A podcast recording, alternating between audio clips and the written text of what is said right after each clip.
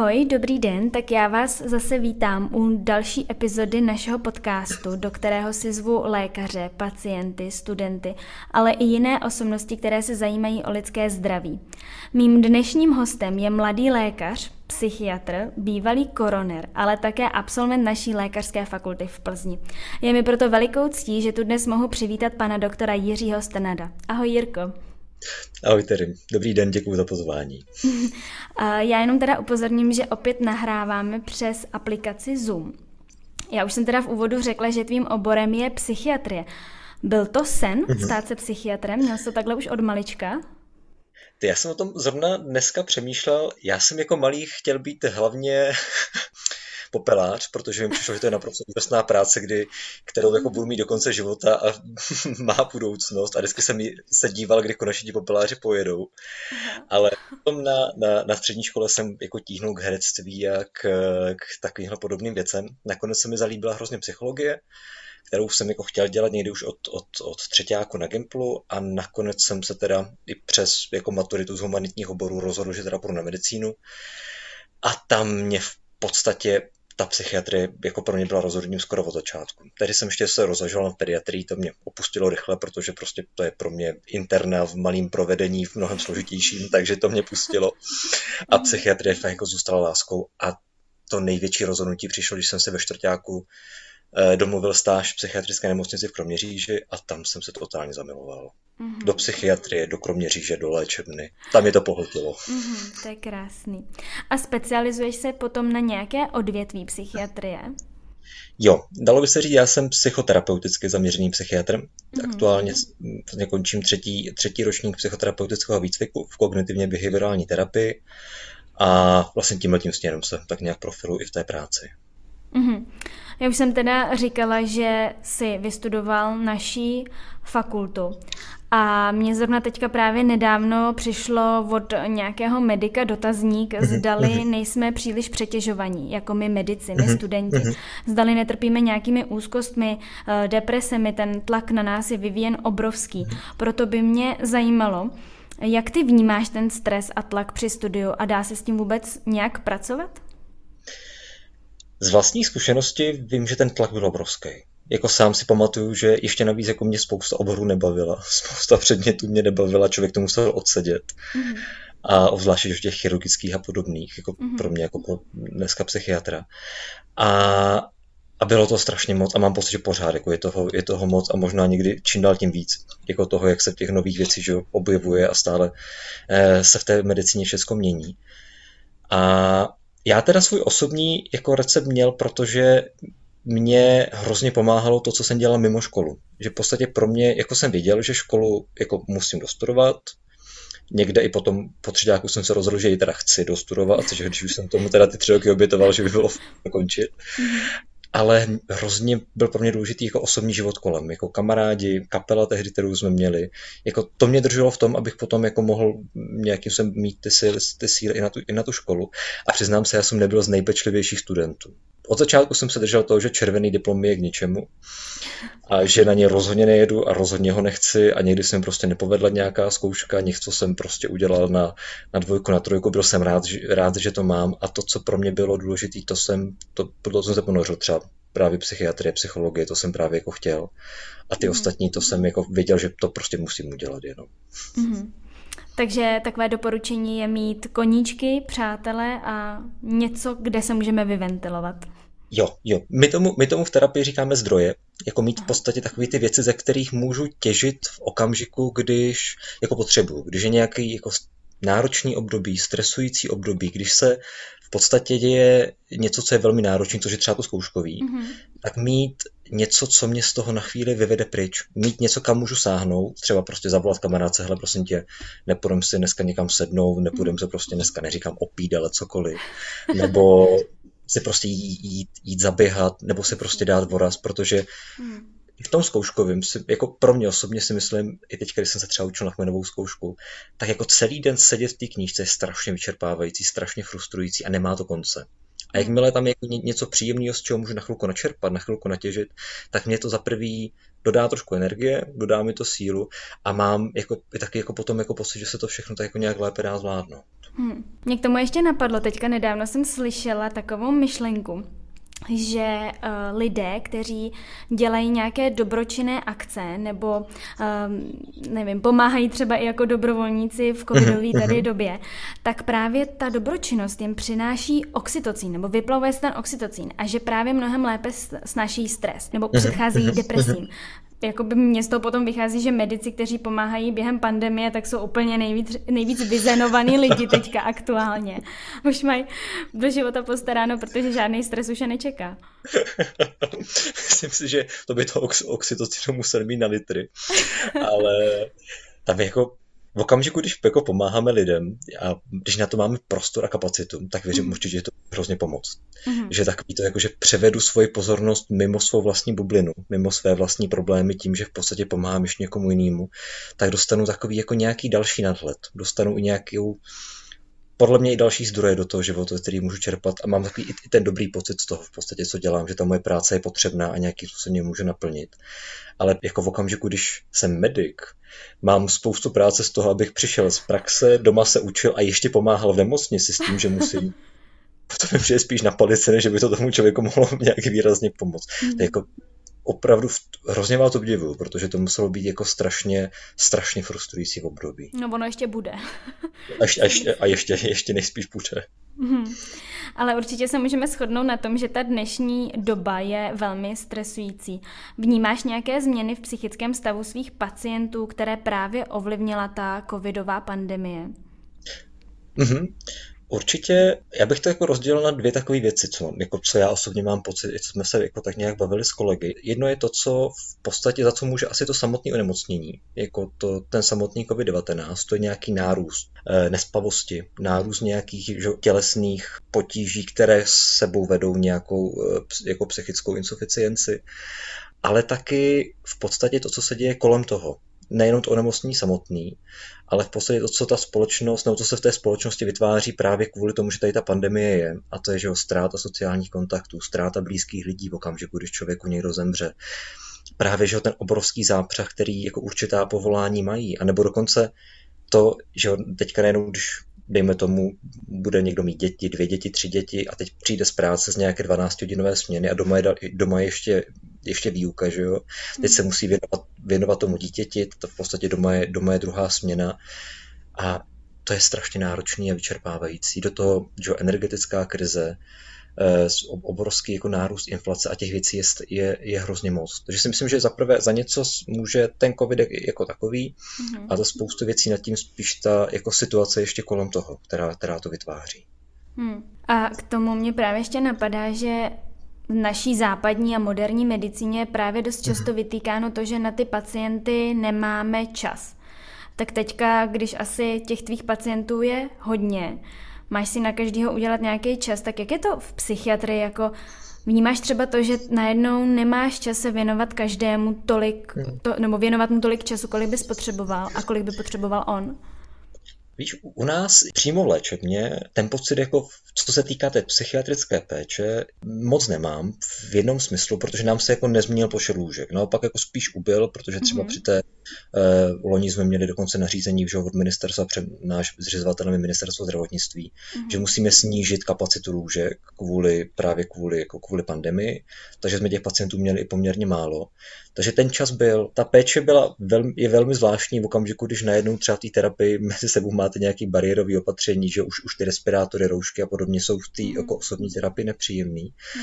Ale přičem to vnímám hrozně moc je na službě, protože když sloužím, tak psychiatrii řeším teďka aktuálně znovu hrozně málo a v podstatě kolem čeho lítám jako, a kolem čeho jsem lítal je covid, jsou pacienti, že jo, který jako mají, mají hyposaturaci, musím hmm. zapojovat na kyslík, volat naproti na áru, jestli si pacienta převezmou, rozhodovat se, co tomu pacientovi V podstatě jako děláme, děláme internu jako na, té službě a na tu psychiatrii tam, tam tolik nemáme času. Takže dá se říct, že vlastně vaše oddělení je převedeno jako na covidové oddělení? Eh, my máme v léčebně asi kolem 30 oddělení a hmm teďka v podstatě loni eh, to bylo tak, že máme čtyři oddělení nebo tři oddělení, které mají kyslík, takže tam byli převáděni pacienti, kteří na tom byli poměrně, jako, kteří na tom byli hůře, ale nepotřebovali ještě nějakou jako nějaká high flow nebo něco, něco mhm. většího. Mm-hmm. A byli to hlavně naši pacienti a pak jsme měli oddělení přímo, jako kde se jenom izolovali pacienti s menšími příznaky. Teďka aktuálně to vypadá tak, že těch pacientů máme poměrně, poměrně hodně, takže v podstatě zavíráme do karantény skoro jako celá ta oddělení, protože nemůžeme, nemůžeme jako vytvořit jedno oddělení, protože by to bylo málo. Mm-hmm. Ale poskytujeme v podstatě i tu, i, tu, i tu psychiatrickou péči, je to tam možné. Mm-hmm. Když jsem třeba teďka nedávno viděla nějaká videa pacientů z nemocnice, tak eh, to byly odstrašující případy. Já vím, že to sdílela, myslím, že ČT24 i na svém Instagramu. Mhm, mhm, Agresivní mhm. pacienti, kteří odmítají léčbu, hospitalizaci, lékaře, vyhrožují smrtí nebo mm, eh, vyhrožují celkově jako tě, tomu personálu. Hm, proč ty si myslíš, že něco takového v téhle době vzniká? Já jo, na začátek ještě předně chci říct, že my jako u nás v léčivně tady ty pacienty moc nemáme. Naši pacienti jsou hrozně, hrozně vděční. Jo. A já, jako, já si doteďka vzpomínám, když jsem loni eh, jako poprvé, když jako bouchlo, jako bouchlo covid na jednom oddělení a začali jsme se oblíkat do těch uh, tajvek, se to myslím jmenuje, že? Do, těch, mm-hmm. do, do, těch tajveků. A bylo to právě ženské chronické oddělení. A to bylo naprosto úžasné, že tam bylo pacientky s reziduální schizofrenií, lehkou střední mentální retardací, jako chronické pacientky. A teďka prostě oni vůbec nevěděli, co se děje. A já jsem se jako bál, na tu situaci budou reagovat a já jsem teďka přišel, teďka jsme, teď jsme měli ještě ty, ty respirátory ve, ve, ve tvaru toho ka, kačeřího zobáku, uh-huh, ještě byly, uh-huh. ještě byly takový jako žlutý. Teď jsem měl ještě, ještě přes sebe jako ty brýle a, a, to všechno a teďka jsem vešel, vešel slavnostně na ten sál a jedna pasiátka, je, pan doktor je potapěč! A tak to bylo, tak to najednou spadla jako veškerá, veškerá starost a bylo to hrozně hezký. A já si obecně myslím, protože v podstatě tady ta doba nás, já nechci říct, jestli nutí, ale v podstatě nutí vybrat si nějakou stranu názor. Z, za mě osobně, protože já jsem očkovaný naprosto jako podporuju to, protože si myslím, že to je cesta z té pandemie a podle mě je to, je to i zodpovědné řešení, ale jsem součástí jako toho kmene, který si to myslí. A pak máme jako ten druhý kmen, který jako říká, že to tak není a, má na to, a může na to mít jako naprosto správné oprávněné argumenty, jako, že podle mě jako něco, co není dlouhodobě vyzkoušený, si myslím, že může být oprávněný argument. Jenomže v součástí i toho našeho, i toho kmene druhého jsou lidé, kteří názory mají poměrně agresivnější, vnímají ty věci, ty věci trošku jinak a navzájem už se potom jenom ujišťujeme v tom, kdo má pravdu, sbíráme různé informace od kde různě a podporujeme se v tom a postupně sbíráme i třeba informace, které nejsou úplně košer, úplně fajn. A v té čím dál tím více emotivní atmosféře tomu jako začínáme víc a víc propadat a věřit. Že? A začínají se ti lidi jako mezi sebou spojovat a v podstatě vyvolává to takovou tu první otázku, kdo za to může a pojďme toho vyníka najít a pojďme ho potrestat. A ten vyník je samozřejmě někdo z toho druhého kmene. Což v tuhle chvíli můžeme být i, i my lékaři a podobně, kteří to pro ty, jako pro ně můžeme nějakým způsobem jako symbolizovat. To je jako, jako moje, moje představa toho, jako jak si myslím, že jako vysvětlení moje, proč si myslím, že to tak je. No a ty sám nemýváš někdy třeba pocity smutku, úzkosti, když právě posloucháš takhle ty pacienty, jak se pořád trápí a vyprávějí ty svoje životní příběhy a, a strasti a tak? Ze začátku hodně. To na mě, jako když ty příběhy byly, oni jsou někdy jako hrozně emotivní, že v těch životech se děje, děje, děje strašně moc. A ze začátku to pro mě bylo hodně náročné, ale postupem času člověk si zvykne, jako desenzibilizuje a začne mu to připadat v podstatě jako běžný, před ty příběhy se, jsou si často velmi podobné. Ale někdy jo, někdy se stane, že mě to jako zasáhne, mrzí mě to, nebo že mě jako si říkám, spíš mi třeba toho člověka líto, že si říkám, proba, je chudák, jako ten toho jako dostal v životě na ložíno. Hmm. A spíš mě ale jako někdy frustruje, se třeba ten jako pacient nikam neposouvá. Že když se snažíme a už jako v podstatě děláme všechno a nic moc se jako nezmění a ta léčba že v psychiatrii trvá. Hmm. Že v té interně člověk prostě, nebo v chirurgii člověk něco odřeže a ono je to pryč. My nasadíme antidepresivum a tři týdny se nic neděje a čekáme, jestli to zabere. My nasadíme přesně, jestli vůbec a pak zjišťujeme, co se stane dál, až to vyměníme. Uh-huh. Jestli jsme vlastně v pořádku v diagnoze. A to je na tom jako takový jako nejfrust, nejvíc frustrující. Čekat to, jako jestli se to změní a jestli jsem nemohl udělat něco víc a jestli jako to nešlo. A, a to jsou takové ty věci už jako potom do supervize, obzvláště, že to v té psychoterapii, kdy jako já, já mám třeba vůči sobě nějaký pocity viny a potřebuju to probrat s tím supervizorem a, a říct, hele, jako já nevím, jestli jsem mohl udělat něco víc, nebo se to jenom já vyčítám v rámci svého vnitřního kritika. A to je takový frustrující potom. Hmm, to věřím. No a ty sám se vypořádáváš nějak se stresem? Protože my jsme tady naťukli už to studium a jak se vypořádával s tlakem ve studiu medicíny, ale co teďka, když pracuješ? Za prvý, já jsem si v práci, už v práci vytvořil takový jako nějaký bezpečný místo. Já mám hrozně hezkou pracovnu, kterou se všem strašně chlubím a udělal, dal jsem tam jako elektrické svíčky a vánoční výzdobu a všem to všechny tam vodím a všichni jako to už jste viděli moji pracovnu, pojďte se podívat na moji pracovnu. Myslím, že už nikdo nechce ani vidět. Ale pro mě je to hrozně bezpečný místo, kam já se v podstatě můžu vrátit a v okamžiku, když se děje cokoliv, tak tam je takový, jako tady je to v klidu, tady se neděje nic, tam můžu klidně prostě pět minut, pět, deset minut meditovat a jako jenom všímavě dýchat a vím, že se chvilku nic neděje. A i tam jako udržujeme třeba nějaký, nějaký rituály, to znamená, že ráno třeba máme poradu, dáme si tam kafe, odpoledne si jako na chvilku sednu, dám si to kafe se sestřičkama, což pro mě je v tu chvíli hrozně důležitý, protože jsou nějaký rituály v tom dni, v té práci, na který se tam jako velmi těším. A pak jako v tom osobním životě mi hrozně začal pomáhat běh kdy jako jsem začal běhat, ať už sám nebo, ne, nebo s kamarádem. Hrozně rád čtu, a takže jako když můžu, tak jako vypnu a čtu nějakou beletrii, detektivky, fantasy. A někdy jen tak prostě jako rád ležím a jako nedělám nic. se, jako když jsem z práce vyčerpaný, tak jako... Tohle umí jenom chlapy, tohleto.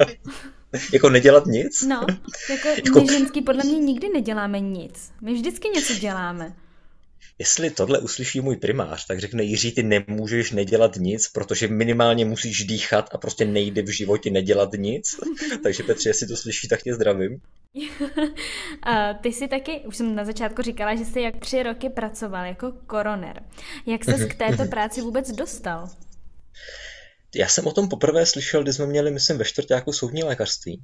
Mm-hmm. A tam právě jsme měli jednu já myslím, že jestli jednu přednášku nebo jenom nějakou zmínku právě jako o tom, že nově podle právě, myslím si, podle zákona o zdravotních službách nového pozice koronera vznikla, nebo jako vůbec mhm. možnost tohle, tohle to dělat, tady ta odbornost. Tak jsem říkal, to je jako docela zajímavé, to v podstatě nemusí být zas tak náročný. Představoval jsem si, že budu jak jako jak, ten, jak ti lékaři z detektivek, že budu jezdit na to místo a říkat takový to více se dozvítáš při pitvě a přišlo mi to hrozně jako strašně super. Potom, když jsem skončil školu někdy, že v, v květnu byly poslední státnice, mm-hmm. tak jsem už tak jako nějak v tom květnu psal inženýru Tučkovi, což je jednatel první koronerské vlastně té eh, firmy, která, která to u nás dělá, že jako končím školu, že budu, jako pokud se všechno povede, dáli pán budu doktor, že bydlím ve Zlínském kraji a jako, že bych měl docela zájem o, tu, o tuhle tu práci, ale že vím, že ve Zlínském kraji nic takového není, jestli to nahoru neplánují jako otevírat. On mi v podstatě zápětí napsal, že jo, že, že mi dá vědět a v červnu už se to otvíralo, takže my jsme v podstatě s, asi se čtyřmi dalšími, no pěti dalšími kolegy začínali jako koroneři tady ve Zlínském kraji, přebírali jsme to od záchranky a vlastně začali jsme hnedka jezdit. Hm. A pamatuješ si na svůj úplně první výjezd? Jo, ten mám úplně před sebou. To bylo snad třetí den po podepsání smlouvy. Já jsem ani neměl službu. Já mm. jsem, u nás to funguje tak, že buď to jezdíme s posádkou, a nebo ještě jako máme externí smlouvu, že někam jedeme sami svým autem, když je to někde jako blízko v okolí a že oni nám zavolají, jestli bychom nemohli a my řekneme jo, můžeme, nebo ne, nemůžeme, jako děláme něco jiného. A to byl domov pro seniory v Olešově, tady 10 km od místa, od místa, kde bydlím. Mm-hmm bylo to, jo, to se pamatuju docela živě, jak jsem jako si říkal, jak to, jaký to bude a bál jsem se, jako, jak to bude, až to tělo, že uvidím a udělám tu deku, protože jo, přesně na té na tý, na tý fakultě při těch pitvách a podobně je to něco jiného, že jo, vidět toho mrtvého člověka, tam člověk ho vidí na stole, vidí ho někde, vidí ho v tom prostředí, kde to očekává. Mm-hmm. Ale pro mě bylo hrozně v podstatě nový vidět zemřelého člověka v lůžku, mm-hmm. v posteli přikrytýho přes oči, přes hlavu a teď jako ten první krok, kdy ta sestřička tam jako šla se mnou, navedla mě, takhle bušilo srdce, tep, mm-hmm. tep 180, úzkost obrovská a říkal jsem si tak a teď jako se čeká, až teda já tu deku sundám a budu něco dělat. A oni asi jako budou čekat, že vím, co budu dělat. A tak jsem teda tu deku sundal a začal jsem něco dělat. V tom domově pro seniory to je takový jako příjemnější, tam člověk moc neočekává, že se něco stane špatně, i když ty případy už byly. Mm-hmm. A je, hlavně je tam příjemný to, že tam že veškerá dokumentace, vím všechny diagnózy, vím, co tomu člověku bylo, vím, vím, co se dělo a v podstatě vím i na, skoro na minutu přesně, kdy, kdy ten člověk zemřel. Mm-hmm. A tam jsem to skorikoval s těmi e, jistými známkami smrti, které tam byly, jestli to časově odpovídá. Mm-hmm. Mohl by si trošičku vysvětlit, co je vlastně všechno náplní práce koronera? Jestli se potom účastníš nebo účastnil se v soudní pitvě, nebo to už je čistě práce soudního lékaře nebo znalce? Jo. Součástí práce koronera je v podstatě provádění prohlídek těla zemřelých mimo zdravotnické zařízení, protože v podstatě smrt může konstatovat pouze lékař a v, ve zdravotnickém zařízení je to vždycky lékař, který má službu nebo ošetřující lékař toho pacienta. A mimo zdravotnické zařízení to do dneška, nebo do té doby vzniku jako institutu koronera, mm-hmm. to byli praktičtí lékaři v době své, své práce a nebo lékaři zdrav, základních zdravotních služeb. Mm-hmm. A teďka v podstatě to ve většině, no ve spoustě krajích přebírají, přebírají právě koroneři a naš, naše práce je v podstatě přijet na to místo, zjistit, jestli je ten člověk mrtvý, kdy zemřel a jakým způsobem, nebo jaká je ta, ta diagnóza, která ho vedla, vedla k té smrti. A už se neúčastníme jako pitvy, pokud v podstatě ještě naše práce indikovat nebo neindikovat pitvu, to je na rozhodnutí toho lékaře, že pokud je tam nějaký zákonný důvod, tak musíme že indikovat pitvu, pokud nevíme, jaká je diagnóza, mm-hmm. pokud máme podezření na to, že umrtí nebylo z přirozených příčin, pokud eh, se v podstatě čímkoliv nejsme jistý, pokud je tam něco nejasné, pokud je to smrt člověka, který je neznámé totožnosti, pokud je to smrt dítěte do určitého věku a pokud je to smrt třeba pod vlivem návykové látky a podobně, tak nebo nějaké nelegální návykové látky, tak tam že je ta, je ta pitva indikovaná, ale těch pitev už samotných se neúčastníme, to je už zase v odbornosti pouze, pouze soudního lékaře. My pouze konstatujeme smrt, pouze prohlížíme to, toho zemřelého v místě, v místě té, toho umrtního, v místě toho nálezu. Uh-huh. A může být teda koronerem jakýkoliv lékař, nebo to je taky, že záleží na tvé specializaci, kterou jsi vybral a tím je právě ta psychiatrie? Ne, právě na, to, na, na tom bylo fajn, koronerem může být úplně kdokoliv. Tam jako v podstatě není, není žádná specifikace, musíš mít diplom z medicíny uh-huh. a to je v podstatě jediný, co jako k tomu výkonu potom v podstatě potřebuješ podle, podle, podle zákona. Mm. Ale skoro bych řekl, že v jednu chvíli jsme většina byli psychiatrů. Asi vás na tom něco láká, nebo jako něco se Já jsem nad tím přemýšlela a v podstatě vůbec nevím, co, co nás jako na tom všechny lákalo. A hlavně nevím, co na tom lákalo mě, protože vždycky policisti mě přezdívali jako koronera s nejslabším žaludkem, protože já jsem to vydržel strašně málo. A vždycky mm-hmm. se jako se ptali pro doktore, proč to děláte? Říkám, tak taky musím splácet hypotéku, že jo, tak tím jsem si to obhajoval, ale jako jinak ta práce byla hrozně, jako hrozně zajímavá. Mm-hmm. No a mohl by si potom teda vysvětlit, jak se postupuje po tom, co je nalezeno to tělo a když je potřeba potom získávat ty různé blížší informace, tak kde se v tom čase tělo nachází? Mm-hmm. První, co je důležité, je, to znamená jako ten, kdo najde tělo. Jo? Mm-hmm. V okamžiku, když je to někdo, a když, se třeba stane venku, je to někdo kolenudoucí, najde, najde někoho, kdo nejeví známky života, vždycky první voláme, voláme 155. Je vždycky dobrý volat, nebo člověk neví, ať zavolá na jakoukoliv linku, že člověk v tu chvíli může ve stresu, tak vždycky nakonec to dopadne tak, že přijede nejpravděpodobněji záchranka, kde přijede lékař, který zjistí v podstatě, že už eh, ten člověk nejeví známky života. Pokud už jeví jisté známky smrti, tak většinou neprovádí žádnou resuscitaci a nyní už většinou on nevypisuje žádné, eh, jako žádné dokumentace, to tělo neohledává, ale volají koronera na to místo. V tu chvíli na to místo přijede, přijede koroner a teď je otázkou v podstatě, kde se to nachází a v jaké situaci to je. Pokud je to umrtí doma, tak v tu chvíli v podstatě je důležité, jestli tam jsou nějaká, nějaká dokumentace, jestli víme, že je tam nějaká diagnoza, jestli ten člověk se s něčím léčil. Díváme se, že jo, jaké, jaké bral léky, na co ty léky jsou díváme se na poslední propouštěcí zprávu, pokud to ten člověk má u sebe. Ptáme se rodiny, na co se léčil, pokud tam ta rodina u toho umrtí byla. Stejná situace je v podstatě v domovech pro seniory, kdy tam je ta zdravotní dokumentace, jsou tam sestřičky, víme, s čím se ten pacient léčil, víme, co se dělo. Takže v podstatě z těch diagnóz dokážeme usoudit, na co ten, na co ten člověk zemřel tam je, je to poměrně jednoduché. Nejsložitější to je v okamžiku, když je to člověk, o kterém v podstatě nic nevíme, je to člověk neznámé totožnosti, je to umrtí venku, mhm. anebo je to umrtí nějakým způsobem jako, jako podivný, že jo, nějak se nám na tom třeba něco nezdá, tak tam často, pokud je to umrtí bez svědků, tak tam je vždycky přítomná policie.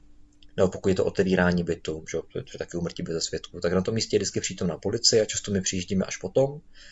kdy tam ta policie už je a čekáme ještě na kriminalistického technika, který to tam všechno nějakým způsobem v tom kolem to prohledá stopy, všechno vyfotí a pak tam na to místo přicházíme my.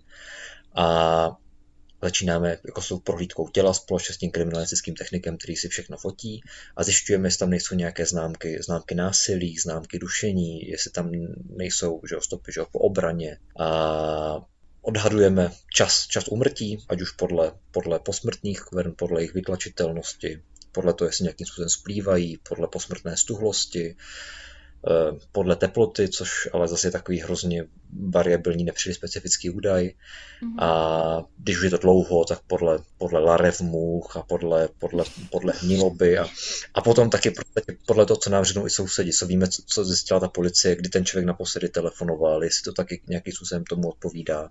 Mm-hmm. A když je to víc jak 24 hodin, tak je to v podstatě u té doby smrti vždycky jako odhad mm-hmm. jak to asi může být, protože tam ten rozptyl prostě může být veliký a je to hrozně variabilní na i ty posmrtné známky podle prostředí, podle teploty, podle toho, jak se na to člověka svítilo slunce. Je to hrozně variabilní. Mm-hmm. A pokud že, jsou to věci, u kterých musím indikovat pitvu, což v podstatě, když je to tělo, o kterém nic nevím a nejsou tam žádné věci, nikdo neví, kdy umřel, tak je to nejpravděpodobněji tu pitvu, tu pitvu nařídím. A potom se v podstatě snažím získat údaje, co můžu pro toho soudního lékaře. To znamená, musím mu tam do té zprávy popsat, jak vypadalo to místo, že, jak ten člověk ležel, na které mhm. straně, mm-hmm. když to po mě teda ten soudní lékař přečte, kde se co nacházelo, kde měl nohu, kde měl končetiny, co bylo kolem, jestli tam byly nějaké blistry od léku, jestli tam byly nějaké zvratky, jestli jsem si něčeho všimnul, jak vypadala ta posmrtná stuhlost, co bylo stuhlý hodně, silně, aby že ho viděl, on dokázal odhadnout tak nějak, co se dělo a zbytek v podstatě jako dodá policie, to, co ví ona. A to je všechno v podstatě potom, co já na tom místě dokážu udělat. Pak už jenom se píšu tu zprávu, se píšu, se píšu požadavek na tu pitvu, všechny zprávy pro toho soudního lékaře a pak už si odváží pohřební služba to tělo a odveze ho na ústav soudního lékařství a tam je to potom všechno v dikci toho soudního lékaře. Mm-hmm. Ty si tady už taky naznačil to měření teploty těla, které se využívá pro odhadování tedy času úmrtí. Mm-hmm. Ta teplota se potom měří uh, několikrát za sebou v určité časové prodlevě v místě nálezu té mrtvoly. Pokud se to měřilo, tak v podstatě jenom jednou v okamžiku, kdy jsme tam přišli. Jo? Protože v podstatě ono to, takové to obecné pravidlo, jako říká, že v podstatě by to mělo být asi stupeň za hodinu. Mm-hmm. Ale ono je to strašně, tohle je strašně nespecifický údaj, protože ono v podstatě záleží na tom, jaká je okolní teplota, jak je ten člověk oblečený, jak je obézní třeba, že? protože že? Mm-hmm. u těch jako u subtilních lidí ta teplota bude ucházet rychleji než u těch lidí, kteří jsou třeba obézní. Eh, jestli, říkám, jestli na ně třeba svítí slunce. Jo, a zrovna ta teplota mi přijde jako hrozně nespecifický údaj. Mm-hmm. A to by se teda stávalo často, že ta prohlídka zemřelého vám právě nepřinesla nic eh, konkrétního, žádné blížší informace a potom jste odhadovali příčinu smrti podle anamnézy, okolností nebo výpovědí od svědků? Vím, že jsem měl eh, úmrtí třeba v, u nás v Kroměříži, tam zemřel jeden jako místní člověk jako bezdomova, o kterém jsme v podstatě nic nevěděli. Víme, že se nacházel někde tam jako na, nějaký, na nějakých zahrádkách, prostě byl tam spadený, jediný, co vím, že měl, jako že si zlomil vás. Ale jak se to stalo, co se dělo, jestli byl pod vlivem alkoholu, to šlo pouze, v podstatě pouze jako předpovídat, mm-hmm. tak to vím, že byla jako zpráva, kde jsem jako neměl moc co napsat. Takže tam jsem v podstatě napsal dvě diagnózy, R99, R98, to znamená smrt z neznámých příčin, smrt bez svědků. A to je v podstatě moje, moje diagnóza, kterou se vyjádal jako koroner a tu diagnózu v podstatě ten, to, na co člověk zemřel, to už bylo pouze na tom, na tom soudním lékaři a na policii potom identifikace toho člověka. Mm-hmm. Já bych se ještě chtěla uh, dotknout uh, tématu trestného činu. A myslím si, že se k tomu jako psychiatr taky můžeš vyjádřit. Jestli se setkáváš jako psychiatr s psychologickým profilováním pachatelů trestného činu. Eh, jako psychiatr ne, tohle je něco, co dělá uh, soudní znalec a, a to ještě soudní znalec oboru psychologie, pokud se teda nemýlím. Takže to většinou dělají psychologové v okamžiku, když uh, jsou, jsou soudními znalci. Já jako psychiatr se setkávám v podstatě, nebo se na té psychiatrii setkáváme buď to s oběťmi těch trestných činů v okamžiku, že když mají úzkosti, deprese, posttraumatické stresové poruchy, tak a nebo i s těmi jednotlivými pachateli trestných činů v okamžiku, je jim nařízena ústavní ochranná léčba. Mm-hmm. Ať už, že, ať už eh, psychiatrická, sexuologická nebo protitoxikomanická, tak s tím se potom setkáváme, setkáváme my. Hmm. No a vůbec, jaký to jako, teď se zeptám jako úplný lék, jo, ale jaký to mhm, vůbec mhm. pro tebe je, když máš jít třeba na vizitu k člověku, o kterém víš, že spáchal nějaký těžký trestný čin, jak ty k němu přistupuješ jako člověk ke člověku? Přesně tak, jak říkáš, jako člověk ke člověku. Úplně stejně jako v podstatě k jakémukoliv jinému člověku, jakémukoliv jinému pacientovi. Zrovna u mě, jako mám na ochranné léčbě na oddělení asi teďka to je dva, dva, dva nebo tři pacienty. Mm-hmm. A to jsou pacienti, kteří spáchali ten trestný čin pod vlivem, zrovna u nás nejčastěji paranoidní schizofrenie. Jo, pod vlivem v podstatě těžkého duševního onemocnění. Mm-hmm kde my toho pacienta máme zaléčeného na otevřeném oddělení roky, jako aktuálně naprosto, naprosto klidný, nic, nic nedělá. A v podstatě tehdy, jako když si vezme, že ten člověk spáchal ten trestný čin podstatě pod, pod vlivem nějaké psychotické produkce, to znamená, že mu hlasy říkali, že to musí udělat, jo? Mm. že mu hlasy přikazovali, že prostě musí někoho zabít, někoho pobodat, takových tam jako zase moc nemáme. Jo, že něco takového v podstatě musí udělat, tak víme, že to jako neudělal, protože by chtěl, že udělal to proto, protože v podstatě za to mohla ta choroba a tu chorobu léčíme. A já to člověka nemůžu odsoudit. Ani nechci. Jo? Protože v podstatě vím, že ono to upřímně může přijít na mě, může to, kdykoliv to v podstatě může stát i tobě. Jo, přijde, jako, přijde, přijde psychóza a najednou prostě srazíš někoho, někoho po tramvaj a nevíš jak. Jo, hmm. a to jsou jako situace, kdy v podstatě je to nepříjemný v okamžiku, nebo je to hodně nepříjemný, když ten člověk je ještě akutní. I když je v té akutní psych, psych, psychotické fázi a že máme ho na tom uzavřeným akutním oddělení, tak tam člověk má respekt z toho člověka. Jako má samozřejmě strach, má strach, co se bude dít. Jo, tak jak jsme zažili agresivní pacienty, že musíme je nějakým způsobem pacifikovat. To, tam je to jediné, co je v podstatě strach, co se bude dít. Ale ono většinou to jako zas tak jako agilní u nás, u nás nebývá. A většinou jako potom na té dlouhodobé ochranné léčbě jsou ti pacienti už nějakým způsobem kompenzovaní, mají třeba i náhled na to, co se stalo, nebo si moc jako nevybavují to, co se stalo. Ale jako v mém přístupu k ním to v podstatě nemění vůbec nic, protože jako já se v podstatě na ně jako nemám jako za co zlobit, hněvat. Mm-hmm. Jo. Ale vím třeba, že to je něco, co mý kolegové třeba z jiných oborů ne, nemůž, ne, ne, neumí pochopit. Jo. A hlavně po nás na jednu stranu společnost chce, abychom ty podle nich nebezpečné blázny zavírali. A zároveň ta samá společnost chce, abychom neomezovali práva těch lidí a nemohli je prostě kurtovat, protože to děláme z nějakého pocitu moci. To je strašně schizofrenní situace a ani jedno z toho jako není, není u nás pravda. Hmm. Já jsem se ptala i z toho důvodu, protože vím, že jsi katolík tak mm-hmm. právě jestli ten přístup k těm pacientům není ovlivněný tou vírou. Nebo vůbec vlastně řekni mi, jak eh, ovlivňuje víra tvou práci, psychiatra nebo i koronera. Já myslím, že obecně mě jako víra učí mít bližního rád. Mm-hmm. Jako mít, mít rád člověka a nějakým způsobem ho neodsuzovat, nehanit. To si myslím, že je základem jako nějaké lidskosti. A pokud jako mám tohle, tak věřím tomu, že tohleto lidství mě pak jako musí nějakým způsobem ovlivňovat i v té práci. Co se týká práce jako psychiatra, tak tam si myslím, že víra v některých jako věcech musí stranou. Jako musí stranou proto, protože v podstatě, že nemusím s pacientem sdílet stejné názory. A já jsem třeba jako zase na co se katolické eh, církve týče v tom jeho jejím velmi liberálním jako zakončení. Mm-hmm. A v okamžiku, kdybych jako nějakým způsobem prosazoval svoje názory a říkal pacientovi, že ho třeba co má dělat a moralizoval ho jako v rámci svého přesvědčení, tak by to že bylo špatně a nějaký, hodně by to, narušilo náš terapeutický vztah. Ale naopak jako třeba může mi to pomoct v tom, že třeba dokážu pochopit situace, kdy člověk právě má nějaké krize, které souvisí s vírou. Jo, které, měli jsme třeba pacienta, který měl jako obsedantní kompulzní poruchu a strašně se bál, že když bude dělat nějaké, nějaké věci, když třeba bude masturbovat, že Bůh potrestá jeho a jeho rodinu. A bylo hrozně hezký, jsme se v podstatě o tom mohli bavit, protože jako, i on byl katolík a tam jsem mu, jako, mám pocit, jako mohl říct jako svůj názor, jako jak to třeba vnímám já, jako, že nějaký způsobem to, to zracionalizovat, že si úplně nemyslím, že Bůh jako by ho zabil kvůli tomu, že masturbuje. A jako tam je to fajn, člověk má vhled do toho, že jako chápeš, co, co ten člověk má.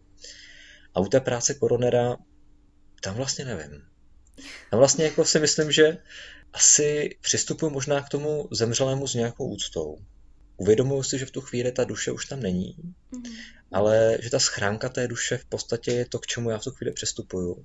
Ale třeba, nevím, jak to jako funguje normálně v nemocnicích, u nás v léčebně mám tu zkušenost na spoustě odděleních, že všichni sestřičky, vždycky, když pacient zemře, třeba na těch gerontopsychiatrických odděleních, že tam se to stává nejčastěji, tak sestřičky vždycky otevírají okno.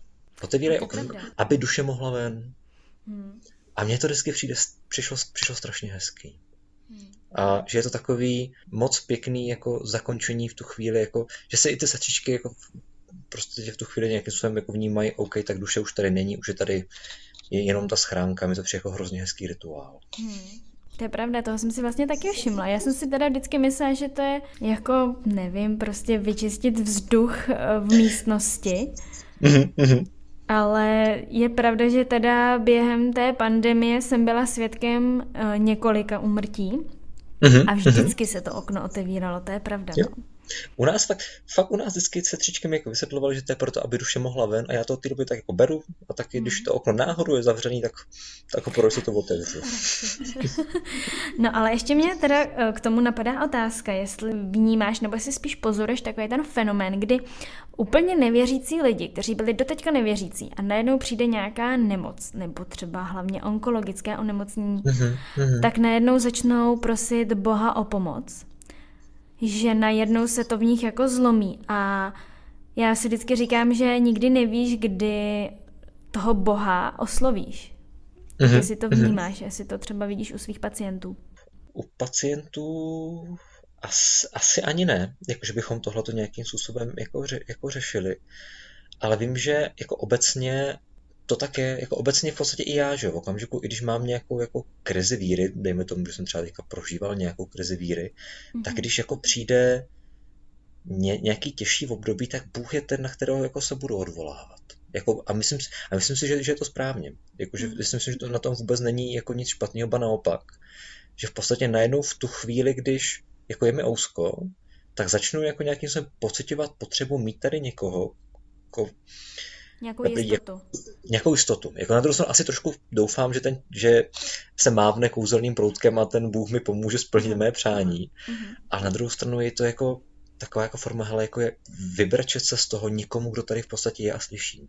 Mně se hrozně líbilo, když jsem chodil jako ještě na katecheze na, na vysoké škole, tak nám tam otec Vojtěch v Plzni říkal, jakože když máme jako někoho nevěřícího a chce jako prosit jako Boha neví jak, tak je hrozně hezký říkat, hele jako bože, já v tebe sice nevěřím, ale jako jestli seš, tak prosím tě, pojď mi pomoct. Jako mm-hmm. pojď mi z té životní situace dostat. A to mi přišlo hrozně hezký.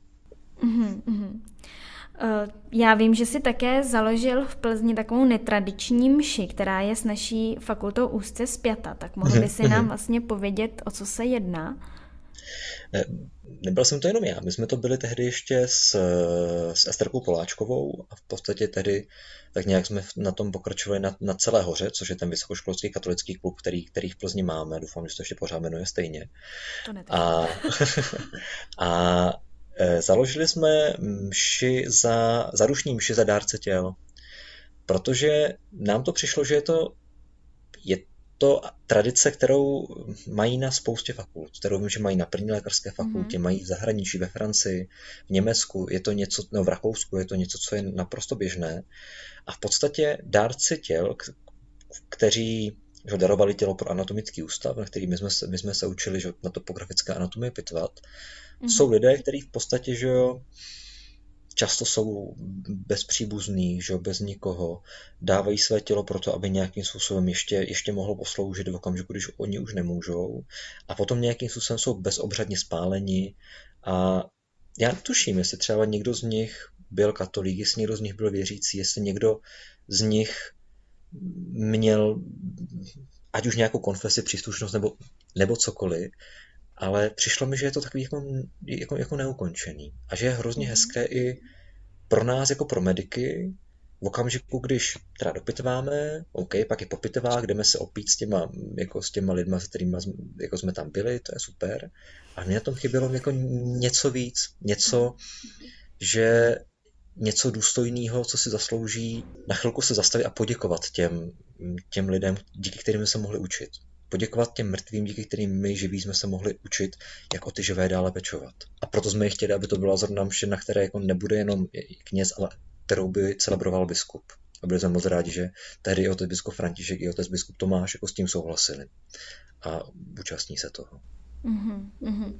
To je krásný, hrozně takový zajímavý nápad.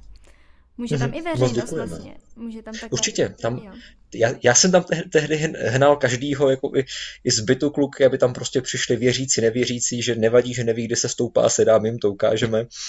Ať uh, určitě, jako, myslím si, že moc dobře, že tam bude, bude i veřejnost, protože v podstatě nezáleží na tom, jestli ten člověk je věřící, není věřící, ale v tu chvíli tam je kvůli, kvůli těm lidem, kteří ho učili. Mm-hmm. A to si myslím, že je to, co v tu chvíli ty všechny lidi spojí. Mm-hmm. A to je na tom přijde důležitý.